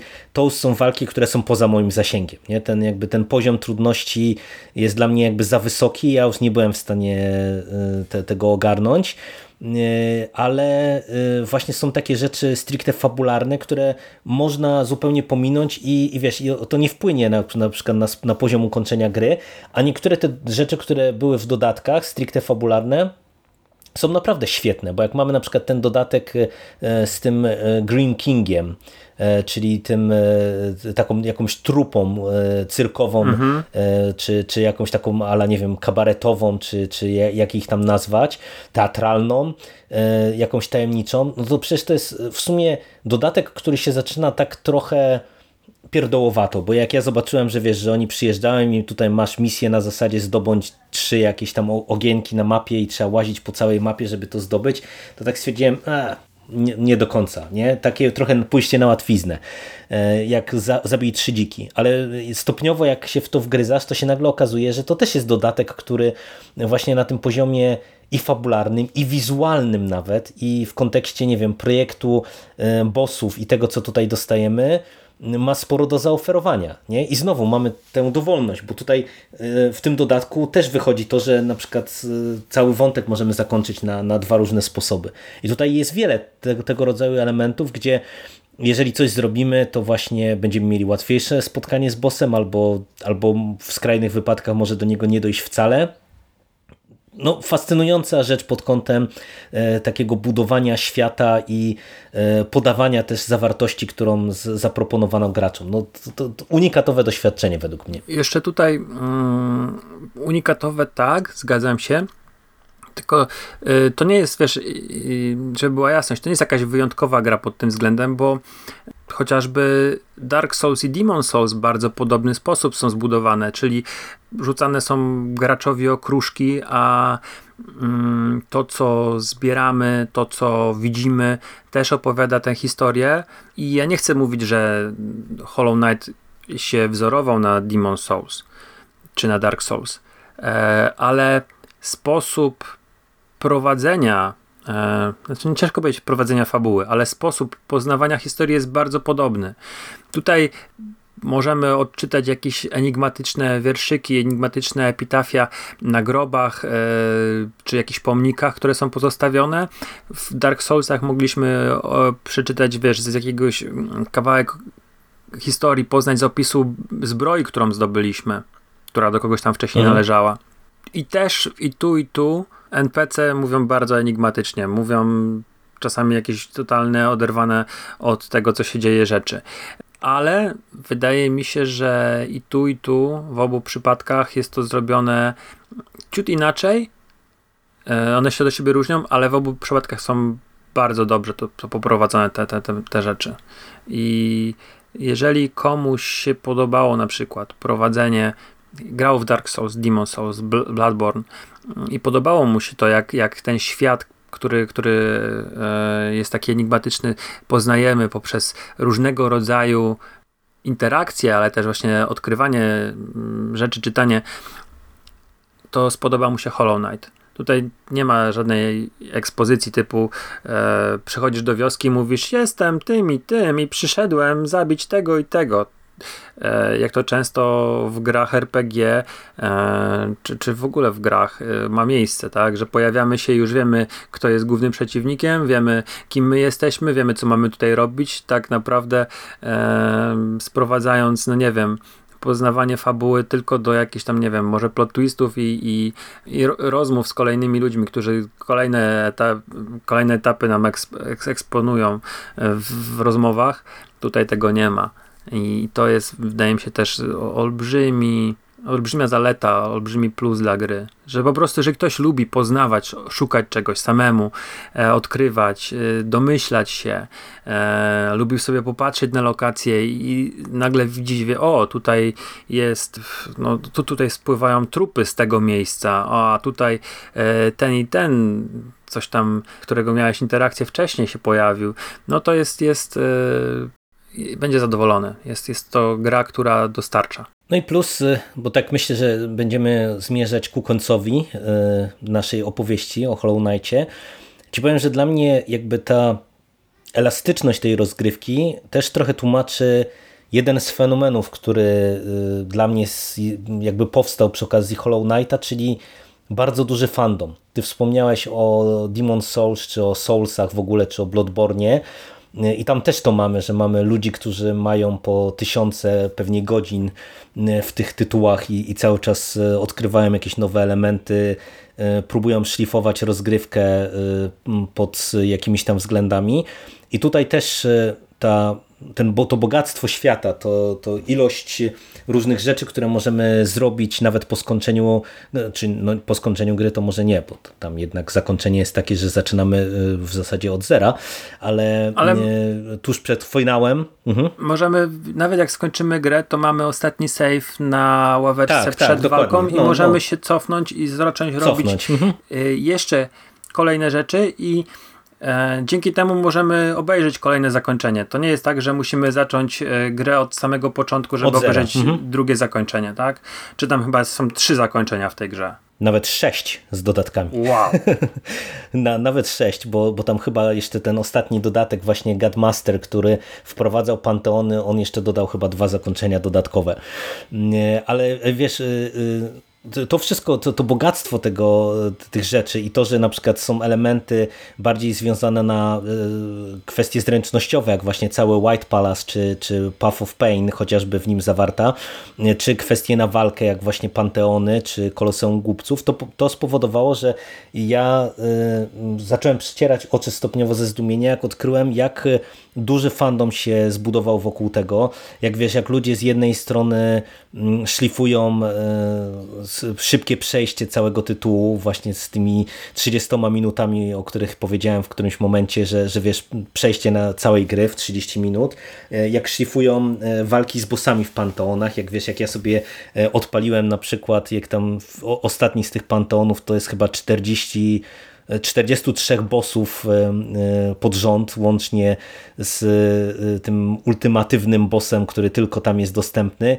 Jak ludzie to są w stanie zrobić tam w ciągu, nie wiem, 40 minut na przykład, jak są w stanie odkryć niektóre właśnie przejścia, niektóre, niektóre rzeczy, które są zrobione, jak szlifują e, przejście przez e, The Path of Pain e, o jakieś tam ułamki sekund, no dla mnie samo to jest czymś fascynującym, no bo jednak wiesz, mam wrażenie, że e, nawet wiele popularnych tytułów, nie wiem, rozmawialiśmy ostatnio o The Last of Us, to nie są tytuły, które są w stanie wygenerować e, mm, taki fandom, nie? Czy, czy stworzyć taki fandom, nie? że to są tytuły lubiane, e, nagradzane, ważne, ale to jest jednak inny, inny rodzaj gry, inny rodzaj, czy, czy specyfika gry, tak, nie? który powoduje, że, że, że, coś takiego do dostajemy. Tego. Tak, tak, tak, Bo dokładnie. Mhm. Co chwilę gdzieś tam ta gra ma swoje lata, 97, 2017 rok, czyli to jest 4 lata mhm. grama. I wiesz, przeglądam Twittera i co jakiś czas trafiam na e, grafiki, kto, że ktoś cały czas tworzy, bo jest zafascynowany mm, Hollow Knightem, że jest zafascynowany tym światem, tymi postaciami i co chwilę widzę, a to jest jakiś rysunek, a to jest jakaś e, postać z modeliny, a to jest jakaś e, wizualna wizualizacja 3D tej gry. No kurczę, jest to yy, naprawdę yy, coś. Mody. Mody, nie? Ile modów jest e, różnego rodzaju na, na PC-cie, to tam po prostu i gracze sobie utrudniają rozgrywkę i yy, ja widziałem taki, taki na, na tej scenie moderskiej, czy tych speedrunnerów, widziałem jak ludzie grali w taki dodatek, który chyba Any procent e, przejścia, to się tak nazywało, czy any, any procent chyba się nazywa ten mod, gdzie w zasadzie cała, każda lokacja jest upstrzona, wiesz, kolcami, lawą i tak dalej, i tak dalej, że tam przejście z punktu A do B, nawet nie licząc przeciwników, to już jest wyzwanie i ludzie w takie rzeczy grają. No to jest autentycznie fascynująca rzecz. No ja polecam, żeby sobie e, poszperać właśnie po filmikach i, i popatrzeć, no bo to, to, to też jest dla mnie coś takiego, co wiesz, ja przy okazji właśnie Hollow Knighta e, odkryłem w ogóle, że właśnie coś takiego też e, też funkcjonuje, no, no, no bo mówię, niektóre tytuły widać tak na, tak na graczy działają. No i myślę, że też na, na koniec, czy przechodząc do, do, ja bym do końca rzecz podsumowania. Jeszcze jedną rzecz chciałbym mhm, powiedzieć no, o dopracowaniu tej gry. Chciałbym jeszcze jedną rzecz podkreślić, bo tytuł jest dla mnie małym arcydziełem, dlatego że każdy element, może poza tym małym zarzutem, jeżeli chodzi o GIO, tą walutę, którą tam wymieniliśmy, e, to jest pod każdym, w każdym elemencie jest dopracowany i przemyślany. I na przykład dla mnie e, wielkim plusem, ogromnym plusem są e, przeciwnicy którzy mhm. ewoluują, tak jak powiedziałeś, nasze działania w świecie y, zmieniają pewne biomy, właściwie jeden, ten Forgotten Crossroads, ale to jak, jak e, gracz zaczynając i poznawając kolejnych przeciwników, jak oni ewoluują, jak oni się zmieniają, jak zmieniają się ich ruchy, movesety, mm, ataki i jak ta krzywa jest stworzona, że kurczę, no e, bardzo szybko gracz zauważa, że e, ci wszyscy przeciwnicy, którym się oczy świecą na żółto, to są ci, którzy cię będą atakować, nie? bo, bo wszystkim się świecą na żółto, są opanowani przez tę chorobę. I i wiesz, zaczynasz od jakiegoś tam małego skorupiaka, który sobie na jakąś pluskwa, która chodzi. Później mm, mamy jakiegoś pierwszego latającego, który troszeczkę się ewoluuje i wypuszcza inne, mniejsze latające, który jeszcze tam pluje i tak właśnie doskonale chodząc do kolejnej lokacji i widząc jakiegoś przeciwnika, który jest podobny do poprzedniego, bo on ma inny wygląd, ale podobne zachowanie, to już mniej więcej wiesz, jak walczyć z nim. I to jest tak mhm, krzywa uczenia tak. się, że wiesz, że jesteś w stanie poprzez. Mm, ta gra jest początkowo trudna. I też nie powiedzieliśmy w sumie o, o stopniu trudności, też dodam ci takie pytanie jeszcze. Ta gra jest początkowo trudna, ale jeżeli będziesz chciał uczyć się, jeżeli będziesz chciał obserwować tę grę, to ona już taka trudna wcale nie, nie robi. Wchodzisz i widzisz, ok, on lata, on rzuca, on pluje, y, wiem jak to zrobić, nie stracę życia i, i, i robisz to i, i, jesteś pełen uznania dla swoich umiejętności, dla swojej wiedzy i czujesz tą gigantyczną satysfakcję. To jest jeden z tytułów, które po tym jak kupiłeś PlayStation, zagrałeś. To, mhm. to, to, to, nie była tam dziesiąta, dwudziesta gra, tylko to powiedzmy to była nie, nie, nie, nie. piąta. Dobrze mówię? Tak, no mniej, mniej więcej tak. Tak, tak bym, bym też strzelał. Mhm. I skończyłeś ją ze 112 czy tam 113 procentami. Czy na, jak jesteś w stanie określić poziom trudności? Bo tutaj nie mamy stopniowania poziomu trudności. Nie możemy sobie zrobić easy, nie możemy sobie zrobić hard. Jest jeden domyślny, przewidziany przez twórców. Jest to gra łatwa, trudna e, do przejścia, do zmasterowania. Powiedz, jak to, jak to oceniasz? Znaczy, wiesz to, to mm, ja w zasadzie dużo już na ten temat powiedziałem gdzieś tam między wierszami, bo moim zdaniem to jest tytuł, który zasadniczo jest dosyć trudny, ale on może się zrobić łatwy, jeżeli y, pójdziemy w kierunku eksploracji. E, oczywiście dla mnie on nie jest do wymaksowania ze względu na walkę. No bo wiesz, bo jednak e, na przykład te panteony, które są potrzebne do, do tych tam 100 chyba 16%, które są tym ultimatywnym celem, e, no to dla mnie są nie do pokonania. Ja tam skończyłem chyba z 6-3 e, i już później dalej nie jestem w stanie przeskoczyć. Tak samo ostatniego poziomu w Koloseum Głupców. Ale mm, to nie jest coś, co na przykład we mnie wywołuje frustrację, bo z kolei zrobiłem też tam dwa trofea, które nie wiem, ma 1 czy 2% wszystkich graczy, więc wiesz, więc po prostu inny cel sobie obrałem w grze. Mhm. I według mnie ten y, poziom trudności mm, jest bardzo zależny właśnie od naszego stylu grania. No jeżeli ktoś będzie chciał e, podejść szybko, tak żeby ją po prostu skończyć ten tytuł, to można, tak jak też mówiliśmy, zrobić to szybko. Pomijam speedrunnerów, którzy to robią w pół godziny, ale myślę, że można ten tytuł pewnie przejść w 10 godzin, 15. No nasz, nasz znajomy Paweł, z tego co mi pisałeś, to on skończył grę mając 70%, tak? Dokładnie, dokładnie tak. E, I, i wiesz, i, i, to pokazuje, że, że można, nie? że można dosyć szybko e, grę zakończyć, e, ale, ale wtedy myślę, że ona będzie naturalnie, w taki bardziej naturalny sposób trudna. No bo jednak wiesz, będziesz musiał, będziesz miał mniej umiejętności, mniej czarmów, mniej jakichś dodatkowych rzeczy, które ułatwiają rozgrywkę. Natomiast jeżeli właśnie pójdzie się bardzo mocno w eksplorację, no to ja y, w, końcowej, w końcowych fazach to na przykład y, y, miałem takie bardzo poważne problemy z dwoma bossami. Dla mnie największym koszmarem był właśnie ten, ten zdrajca mhm. modliszek, ten traitor lord to był koszmar, nie? To był boss po prostu, którego chyba ze 40 razy do niego no podchodziłem. Ja za pierwszym razem go na nim się zaciąłem i, i tam pewnie nie kwestia, że rzuciłem grę w kąt, mówię, pewnie chciałem do niej kiedyś sam wrócić. Natomiast yy, na tamtym etapie pewnie jakaś inna gra się pojawiła, ale pan, pan zdrajca mnie tam usadził.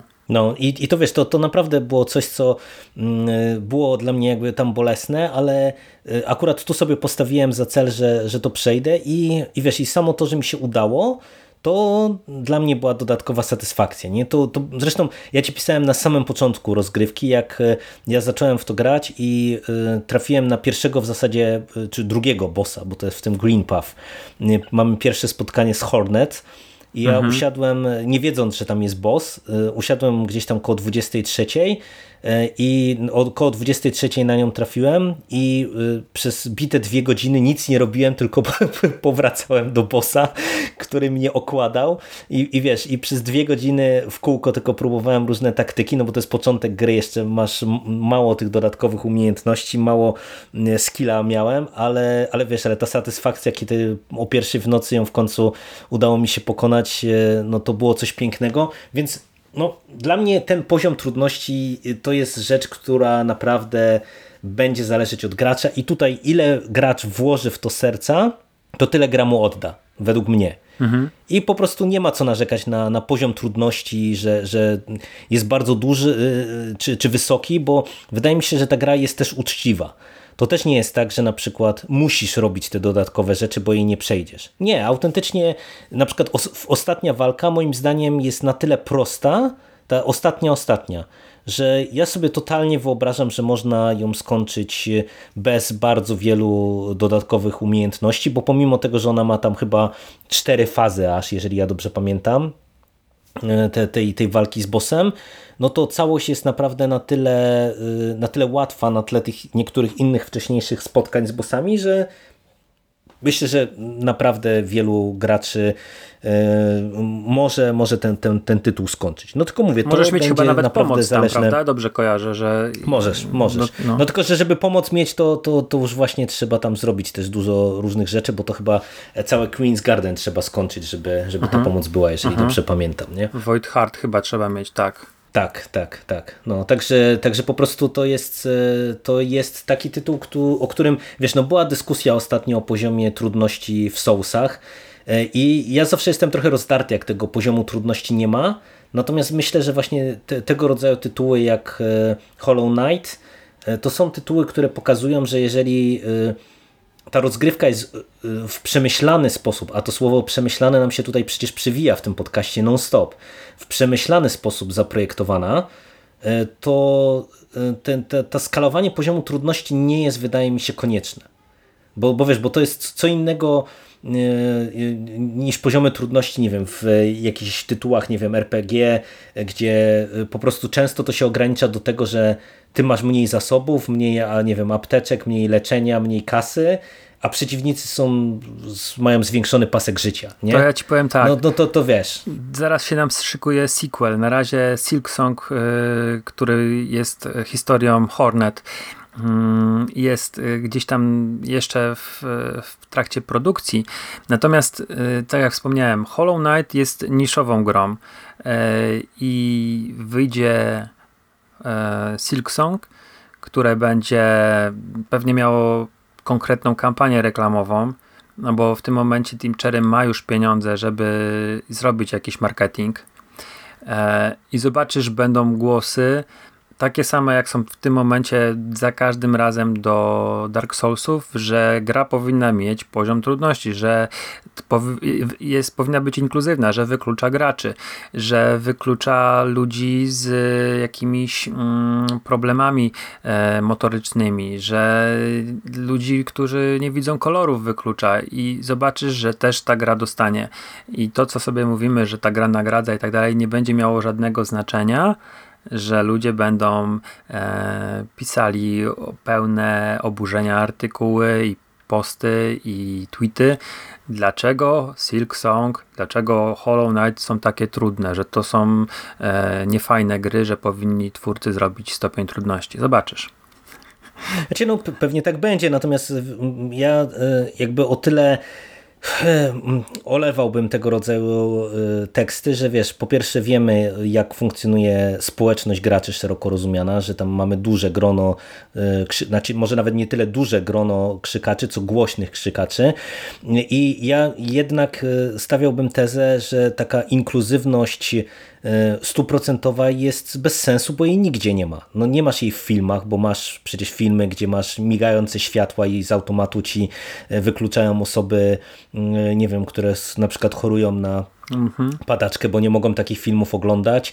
E, Pomijam już to, że osoby z niedowidzeniem na przykład, czy e, z problemami słuchowymi też już e, mogą, czy mają jakiś utrudniony dostęp przecież do w ogóle mediów audiowizualnych. Mamy przecież innego rodzaju właśnie media, gdzie no, nie ma stuprocentowej tej inkluzywności, no bo niektóre media to po prostu wykluczają. I wiesz, z grami jest trochę tak samo. Ja, wiesz, ja cenię na przykład, no przecież poświęciliśmy cały duży segment e, w The Last of Us e, e, temu, że tam to posunięto po prostu do jakichś absurdalnych wręcz granic, że mogłeś sobie mm, ustawić wszystko, nie? Po, po, podpowiedzi, jakieś tam dostosowania właśnie dla osób z niedowidzeniem, z jakimiś problemami motorycznymi i tak dalej, i tak dalej, i tak dalej. To jest cenne, tylko że wiesz, tylko że trzeba pamiętać, że są tytuły, y, gdzie mm, to, to jest y, jak najbardziej sensowne rozwiązanie, bo to są tytuły, które są na przykład skupione właśnie na fabule i twórcy mogą, a wręcz może powinni wykonać określony krok dla części graczy, którzy na przykład są trochę, że się tak wyrażę, niedzielnymi graczami, na przykład, nie wiem, określony segment, jakaś walka z bossem, czy cokolwiek takiego, może utrudnić rozgrywkę i dojście do, do fabuły, do, do, do finału fabuły. Ale wiesz, ale przy, te, przy tytułach takich jak Hollow Knight, no to wydaje mi się, że mechanika jest na tyle kluczowym elementem, że no nie ma co sztucznie jakby generować tego poziomu trudności, bo ta gra by musiała być zupełnie inaczej skonstruowana. No wiesz, no to co mówimy, no tutaj ona jest na, tak zrobiona, żeby ułatwić graczom rozgrywkę. I naprawdę, wiesz, no to oczywiście zajmie pewnie 50 godzin, a nie 15 skończenie tego tytułu, ale myślę, że spokojnie nawet gracze, którzy nie wiem, na wielu innych tytułach się zacięli, mogą ją skończyć. Mhm. I wiesz, ja wolę takie podejście, które jest uczciwe ze strony twórców, niż wiesz, takie na siłę skalowanie gier, żeby każdy się z nią zapoznał, tym bardziej, że myślę, że i ty i ja i wielu nas słuchających ma świadomość tego, że część osób tych, którzy krzyczą o tej inkluzywności, którzy chcieliby sobie zagrać w Soulsy, a twierdzą, że, że ta gra jest za trudna, albo w ten tytuł w ogóle nigdy nie grali, albo w niego i tak by nie zagrali, nawet jakby był łatwiejszy poziom trudności, albo by go rzucili w kąt, bo, bo nie wiem, bo grają w inne tytuły normalnie. Nie, no wiesz, ja też jestem, myślę, dobrym jakby przykładem na to, że, że po prostu warto próbować, bo ja naprawdę uważałem, że ta gra będzie dla mnie za trudna i ten początek był dla mnie ciężki. Mhm. No dla mnie również. To nie, to nie jest tak, że y, pierwszy boss False Night, to ja sobie go z zamkniętymi oczami przyszedłem. To, to, to jest naprawdę wymagające. Tak, ale, ale wiesz, ale to jest po prostu gra, która jest uczciwa. Mhm. Uczciwa i, i to nie jest gra taka, która e, każe czy frustruje gracza. Wydaje mi się, że po prostu naprawdę to jest tak, że jeżeli od któregoś momentu się ktoś odbije, to warto iść w innym kierunku, pozwiedzać, E, zobaczyć właśnie na jakąś nową lokalizację, czy, czy zdobyć jakiś e, dodatkowy charm, czy, czy jakąś dodatkową umiejętność i wtedy wrócić i, i, i tyle. I nagle się okaże, tak jak ja miałem z e, tymi mm, modliszkami, lordami modliszek, że, że nagle coś, co mnie frustrowało, tym bardziej, że akurat tam dojście na początku jest bez ławki, więc tam trzeba naprawdę przejść kawał mapy, żeby się do nich dostać, mm, więc mnie to podwójnie frustrowało i nagle się okaże, że że, po prostu, nie wiem, e, mamy więcej umiejętności, mamy e, lepszego skilla i, i to jest przeciwnik spokojnie do, do ogrania, a tym bardziej, że mówię, naprawdę tutaj e, wiesz, nie poświęciliśmy dużo miejsca temu, ale według mnie same projekty bossów i pod kątem takim wizualnym, ale przede wszystkim właśnie tym mechanicznym są bardzo fajne. Oj, tak. Bo każdy z tych przeciwników jest mm, jakby ciekawie zaprojektowany, jest unikatowe w kontekście mechaniki, które stosuje i on, i mechanik, które trzeba zastosować, żeby go pokonać, ale właśnie też jest elastyczny. Że naprawdę, wiesz, ja y, do niektórych przeciwników podchodziłem na różne sposoby. E, I, I wiesz, i widziałem, że y, też po filmikach, że naprawdę nie ma jednej unikatowej e, drogi do, do pokonania danego bossa, nie? że Zgadzam można to się. zrobić na, na różne sposoby i to jest super i to też właśnie dowodzi temu, e, co rozmawiamy, że, że ten poziom trudności jest w dużej mierze jednak zależny od gracza tutaj. Mhm. Że, że, że po prostu można naprawdę tę grę doprowadzić do stanu takiego, że ona będzie no, nawet jeżeli trudna momentami, to satysfakcjonująca. No zresztą, no umówmy się, no, jeżeli rozmawiamy o grze, która jest oparta o starcia z bossami, a tych mamy tutaj łącznie pewnie około 50 czy, czy tam 45, no to wiesz, to, to te starcia nie mogą być za łatwe. No, a rozmawiamy się, no, prawie dwie godziny. Tak, tak. I wiesz, i to, i to jest tak, że to, to, te starcia nie mogą być za łatwe, no bo to, to nie przynosiłoby satysfakcji. Czy, czy gracze, którzy krzyczą o, o za dużym poziomie trudności, naprawdę chcieliby, żeby spotkanie z bossem e, przechodziło za pierwszym razem, tak? Że po, po pierwszym starciu, że, że widzimy bossa pierwszy raz i, i od razu go rozkładamy? No myślę, że to, to nikt raczej takiej sytuacji nie chce mieć, bo, bo jednak mamy tutaj pewną jakąś gratyfikację w postaci, nie wiem, satysfakcji, mm, że pokonaliśmy danego przeciwnika. No wiesz, ja moment, e, kiedy sprałem w końcu e, Traitor Lorda to pamiętam do dziś, nie? tak, taka, to, taka to była satysfakcja, a było to pewnie 8 miesięcy temu, czy 9 miesięcy temu, nie? Więc no, to, to o czymś świadczy. Myślę, że słuchacze nie mają się co oba- obawiać jeszcze, już na zakończenie mówię, że my tutaj zdradziliśmy wszystko, bo tak naprawdę prze, przelizaliśmy się, znaczy prześlizgaliśmy się, liznęliśmy powierzchnię. Mhm, Głębo, to jest góra głęboka, tak jak y, wielokrotnie wspomnieliśmy, na kilkadziesiąt godzin. Ja mam umoczone ponad 100 chyba w tym momencie w dwóch rozgrywkach, bo yy, wracając pod wpływem Michała, Michał zaczął grać pod wpływem mnie, ja wróciłem do gry pod wpływem Michała, ale yy, będąc na jakimś tam końcowym etapie stwierdziłem, przypomnę sobie początek i tak się wciągnąłem, że po prostu zostałem z tym, tą drugą rozgrywką i, i przyszedłem od początku do prawie końca, w cudzysłowie określę, bo tam brakuje mi tych 13%, które ma Michał. Jest masa elementów, które zachwycą was. Jest wielokrotnie wspomniana świetna muzyka. Gra jest zaprojektowana od początku do końca z pewną koncepcją przemyślana. E, responsywność sterowania, które jest na poziomie jaki zdarza się wyjątkowo rzadko w jakichkolwiek grach. Może w symulatorach takich bardziej zaawansowanych, mniej arcade'owych e, możemy mówić o podobnym poziomie tego zachowania się, czy to pojazdu, czy to tutaj w przypadku naszego bohatera, że, że tak, tak to fajnie działa. E, masa udogodnień, modyfikatorów i masa frajdy. Coś jeszcze chcesz od siebie dodać? Nie, nie, pięknie podsumowałeś. Masa frajdy, to jest to, jest to nie? No, to był dla mnie pierwszy z tytułów e, na PlayStation, e, w który wbiłem tyle godzin. Na PlayStation 4, o może tak, bo to wcześniej na PlayStation 3 to nie, ale, ale to był pierwszy tytuł, na którym wbiłem tyle godzin i, i to była duża satysfakcja, więc też podpisuję się pod tym, co powiedziałeś. No, spróbujcie, jeżeli ktoś z nami tutaj został przez te niespełna dwa godziny i ma wątpliwości, to to myślę, że nie ma co e, się zastanawiać, tylko po prostu spróbować, bo, bo myślę, że to może być jeden z takich tytułów, które po prostu Was zachwycą, tak jak zachwycił nas. A następnym razem porozmawiamy o innym tytule, w który Jerry wbił równie wiele godzin. tak, tak, tak, równie, równie wiele godzin.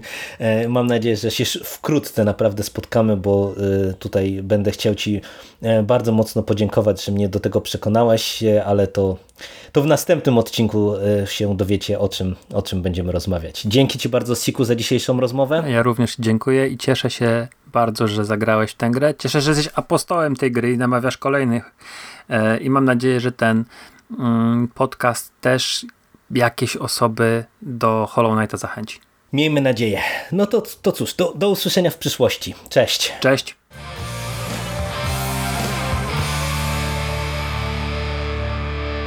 You finished? That's it, man. Game over, man. It's game over. What the fuck are we gonna do now? What are we gonna do? It's over. Nothing is over! Nothing! You just don't turn it off!